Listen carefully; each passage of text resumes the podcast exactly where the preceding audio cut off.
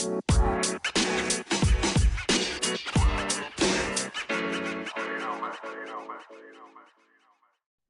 og velkommen til en ny episode med Fantasysnakkes. Jeg er Eirik Doksheim Haugerud, og i dag sitter jeg her uten min gode makker Eirik Boman.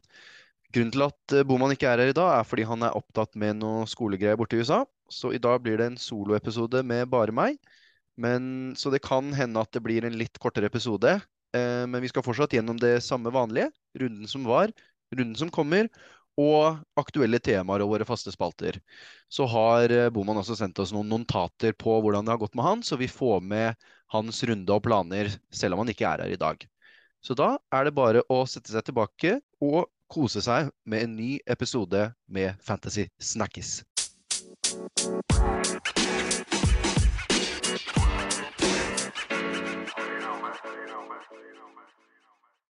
Da hopper vi inn i første del, runden som var.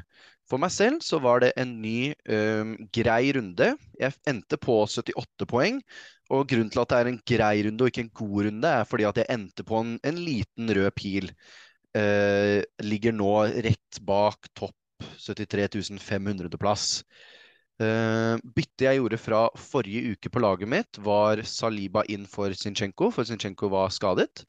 Det gikk sånn uh, helt greit. Saliba endte med, med ett poeng, som egentlig er ganske dårlig, men uh, jeg er fortsatt greit fornøyd med byttet. Du må jo tenke litt lenger enn bare én gameweek. Ellers så var det mye bra. Noe merkverdig å ta tak i er at Rodrigo gikk ut etter bare 32 minutter med en skulderskade. Uh, og han har fått en, en, den skaden holder han ute til 2.10, er det forventa at han kommer tilbake. Så det ble to litt skuffende gameweeks for ham på laget mitt, så han må nok ut, uh, må nok ut nå. Ellers var det også Reece James. Uh, var ikke med i troppen, han var ute med sykdom.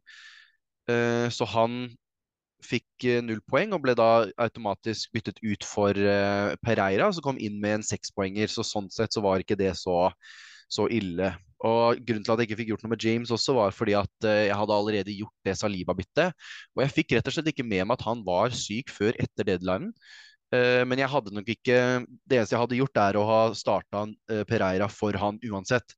Jeg hadde nok ikke tatt en hit på minus fire for å få han ut, så sånn sett så ble det det samme uansett om jeg fikk han ut eller ikke. Ellers, som de fleste andre i denne runden, irritert med kapteinsvalget. Vi snakka jo om at Haaland kom til å bli rotert forrige runde. Uh, forrige runde.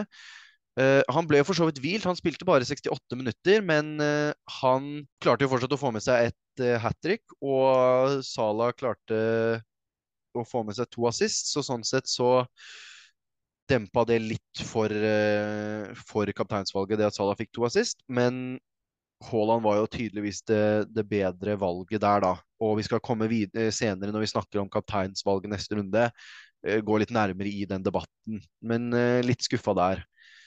Sånn sett ellers fornøyd med laget. Fortsatt litt skeptisk til å ha tre Liverpool-spillere nå. Etter, de virker ikke å være like sikre uh, fantasy-messig da, som de har vært før. Det har alltid vært greit å bare sitte med tre Liverpool, for de har liksom vært så overlegne. Men det virker ikke som å være lenger. Men de har nå Everton borte og Wolverhampton hjemme de to neste kampene. Så sånn sett greit. Det er andre større problemer i det laget her som, eh, som må bli tatt hånd om først. Så har vi Boman sitt lag, som han sendte på notater. Han skriver også nok en bra runde. Han fikk en, en grønn pil og er nå innenfor topp 1 million i verden, så det er bra for han. Han uh, var flink og klarte å, å, vente til rett før deadline. Ti minutter før deadline solgte han James for Kukureya. Uh, så han da fikk uh, ut James som var syk. Og samtidig hadde han også kapteina Sala og ikke Haaland, som han også er skuffet med. Så det var egentlig kjapt og greit om runden som var. Så da tenker jeg vi bare kjører videre på runden som kommer. Som det blir da Game Week 6, som kommer nå til helga. Planer for laget mitt er relativt greit. Rodigo er langtidsskada eh, i en måneds tid, så han går eh, Han ryker fra laget mitt nå. Som jeg nevnte, to skuffende gamings med han på laget, egentlig, så det er jo litt Planen er nok å få inn eh, Pascal Gross. Sitter på 5,9, så da får jeg inn litt penger. Jeg sitter allerede med litt i banken også, så jeg kommer til å ha, sitte igjen med en mill uh, i banken uh, som kan være greit uh, til videre gameweeks. Og Pascal Gross ser ut som det, en av de bedre valgene i i Brighton. Brighton har fortsatt gode kamper fremover og, og hadde en svak uh, gameweek nå mot et sterkt Fulham-lag. Så jeg tror fortsatt at de kommer til å gjøre det ganske bra fremover. Så Pascal Gross kommer nok inn på, på laget mitt. Rodrigo som må ut. Så tenkte jeg å snakke og diskutere litt om uh, hvilke andre valg utenom Pascal Gross som man kan ta uh, for å få ut Rodrigo. Det første er jo greit å bare se på andre spillere i hans lag. Leeds har fortsatt uh, greie kamper framover, så da kan det være nyttig å bare bytte han rett ut for spillere vi har snakket om tidligere i denne podkasten, som Harrison eller Aronson, som begge to er, er gode valg, og som er lette. De alle i samme pris eller billigere, så du kan bare bytte den rett ut, egentlig. Um, har du litt penger i banken, så kan det være verdt å se mot en Bernardo Silva.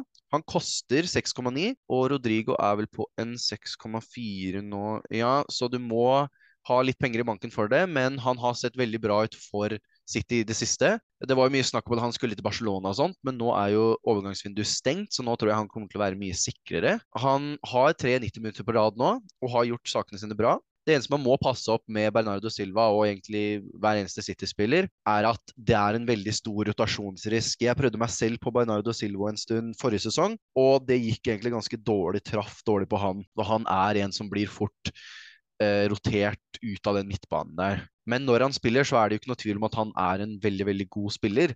Så sånn sett så kan det være en liten uh, gamble, en gambit, å, å hoppe på han nå.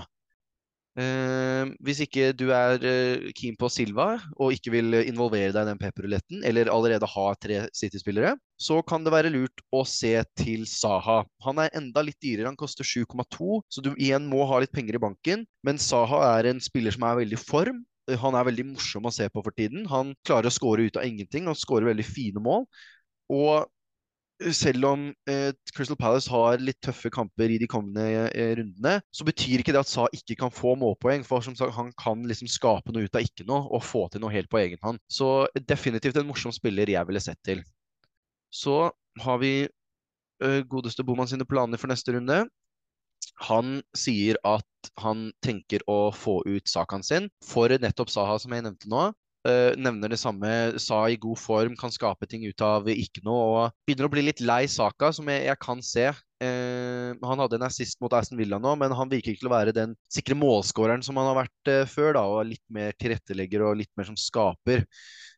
så Sånn sett så kan det være greit å frigjøre en Arsenal-plass der. Det må jeg si meg enig i. Han tenker eller, og, ellers å muligens gjøre Da Silva om til McAllister, som igjen skårte nå. Skal vi se, McAllister. Ja, så han eh, er jo også litt i form av de eh, Brighton, godt lag, er på straffer. Det er sikre poeng der. Eh, og da kan du også få bort da Silva som egentlig vil er forbi sin, sin tid, virker det som. Eh, problemet da, sier han, er at han må benke eh, Neko Williams, og han møter Bournemouth i neste. og Uansett hvilke lag som spiller, hvis de spiller mot Bournemouth, så er det noen du vil ha inne. Så det blir spennende å se hva Boman ender opp med å gjøre. Videre så har vi noen aktuelle temaer for eh, runden som kommer. Det er jo ikke alle som har like lag som oss, så de planene vi tenker å gjøre, er ikke nødvendigvis det som er best for alle andre å gjøre. Så da tenker jeg å snakke litt om potensielle spillere og, og ting som er aktuelle for, eh, for Gameweek som kommer. Det første er jo da uh, Reece James. Han uh, Skal man beholde han, skal man selge han? Nå var det akkurat kommet til nyheter om at han er available for selection. Så sånn sett så ville jeg holdt han. Er, han var bare syk eh, forrige runde, det var ikke noe skade sånn sett. Midt, ene midtstopperplassen som James har hatt, da, og at Reece James blir flytta tilbake på sin favorittposisjon, høyre wingback, hvor han har gjort det så bra. Så sånn sett så er det eh, en veldig god nyhet for eh, Reece James-eiere. Så jeg ville holdt på han. I tillegg mens vi er i Chelsea, så er det viktig å få sagt at Aubameyang er tilbake til Premier League. Han er bekrefta for Chelsea. Og vi vet alle som er sett på Premier League og fulgt med på Premier League og Fantasy Premier League, at Aubameyang på sitt beste kan være veldig, veldig, veldig god verdi på Fantasy. Uh, Når dette blir spilt inn, er det ikke kommet noe pris på han ennå. Han er ikke inne i spillet ennå, så vi må bare vente og følge med på den. Men han er en spiller som bør være på alle sine uh, sånn watchless. Det samme gjelder også for Fana, som jeg nevnte. Han koster bare 4,4, og de har betalt uh, 8 millioner pund for han. Det er altfor mye penger til at jeg tenker at han ikke skal spille. Så der kan det være en, en billig vei inn i et Chelsea-forsvar. Nå har jo Chelsea sett litt ikke det på sitt beste, men det er eh, nettopp derfor Fofana er så spennende. For han kan løse mange av de problemene deres. Han er en såpass god spiller. Så han vil jeg absolutt også fulgt med på. Videre så er det da prata, ta praten om uh, United, egentlig. Nå har de tre seire på rad nå. Ikke sånn veldig overbevisende seire, men de har gjort jobben. Og da er spørsmålet om hvordan skal man komme Er det verdt å komme seg inn på, på United her? Man har jo spillere som Jane Sancho, skårte igjen nå. Du har Rashford, uh, Martial, andre spillere. Men så har de jo nå fått inn Anthony.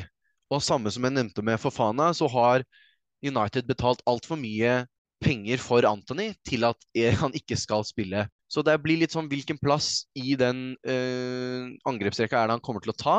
Det blir litt usikkert. Det er derfor jeg ville ventet litt, fulgt med på hvor Antonio, nei, Anthony kommer til å spille, hvem Ten Hag ønsker å ha ved siden av han, og hvordan laget egentlig kommer til å bli satt opp nå fremover. Men absolutt verdt å følge med på de hvis de fortsetter eh, på sine uh, vinnende veier. Uh, nå har de litt tøffere kamper fremover. De er litt godt miksa med litt dårlig, så det er uh, vanskelig å si.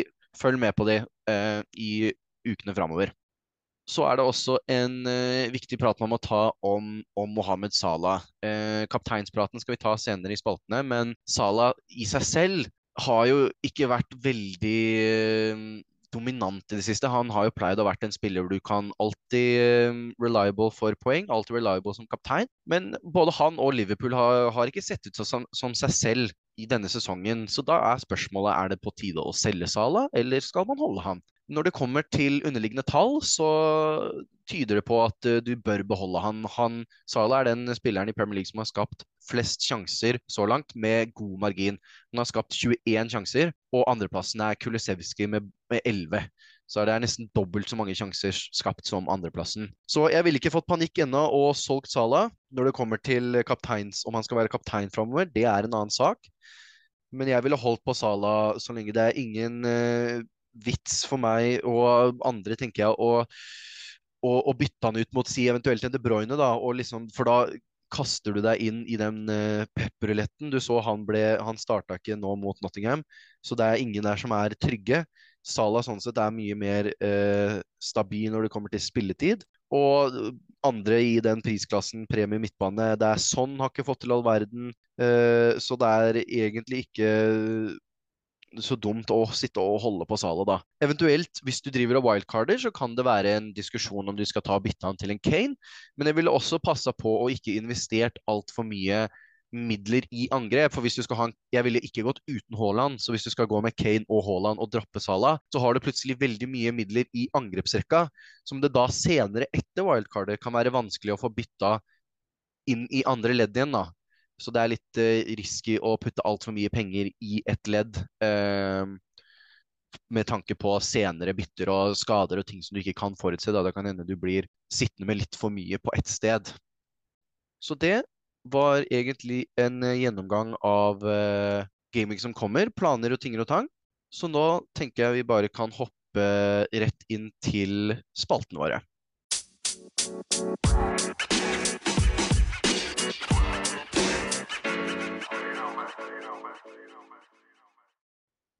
Og da starter vi med spalten Captain my captain, og den har jo eh, kanskje aldri vært så stor som den er eh, nå.